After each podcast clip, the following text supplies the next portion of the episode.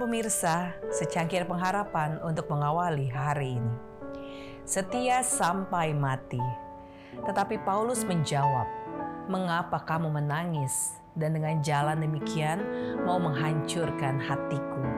Sebab aku ini rela bukan saja untuk diikat, tetapi juga untuk mati di Yerusalem oleh karena nama Tuhan Yesus."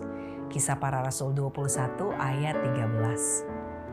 Selama pemeriksaan pengadilan yang terakhir, Paulus di hadapan Nero, kaisar telah menaruh kesan yang kuat akan kuasa perkataan rasul itu, sehingga ia menunda keputusan perkara dari membebaskan ataupun mempersalahkan hamba Allah yang tertuduh itu. Tetapi segera muncul lagi kebencian kaisar terhadap rasul itu tidak lama kemudian, Nero mengumumkan suatu keputusan yang mempersalahkan Paulus, seorang yang mati sahid. Oleh karena seorang warga negara Roma tidak dapat tunduk kepada penganiayaan, ia difonis untuk dipenggal kepala.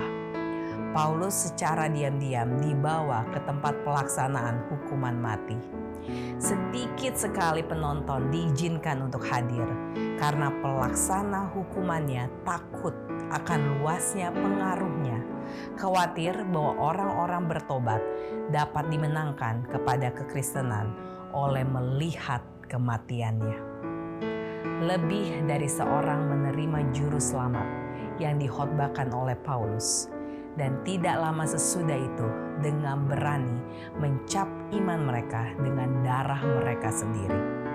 Paulus berada dalam suasana surga. Semua yang bergaul dengan dia merasakan pengaruh persatuannya dengan Kristus. Fakta bahwa kehidupannya sendiri memberikan contoh tentang kebenaran yang dimasyurkannya, memberikan kuasa yang meyakinkan tentang khotbahnya di sinilah terletak kuasa kebenaran.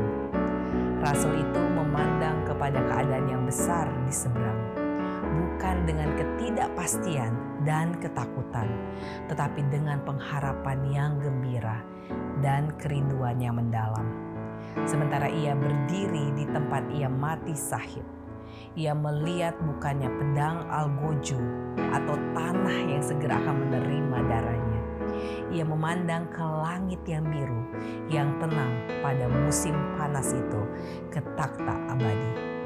Paulus menyaksikan dalam dirinya bahwa jiwanya adalah berharga pada pemandangan penebusnya. Alfa dan Omega jilid 7 halaman 430 sampai 432. Demikianlah renungan kita hari ini.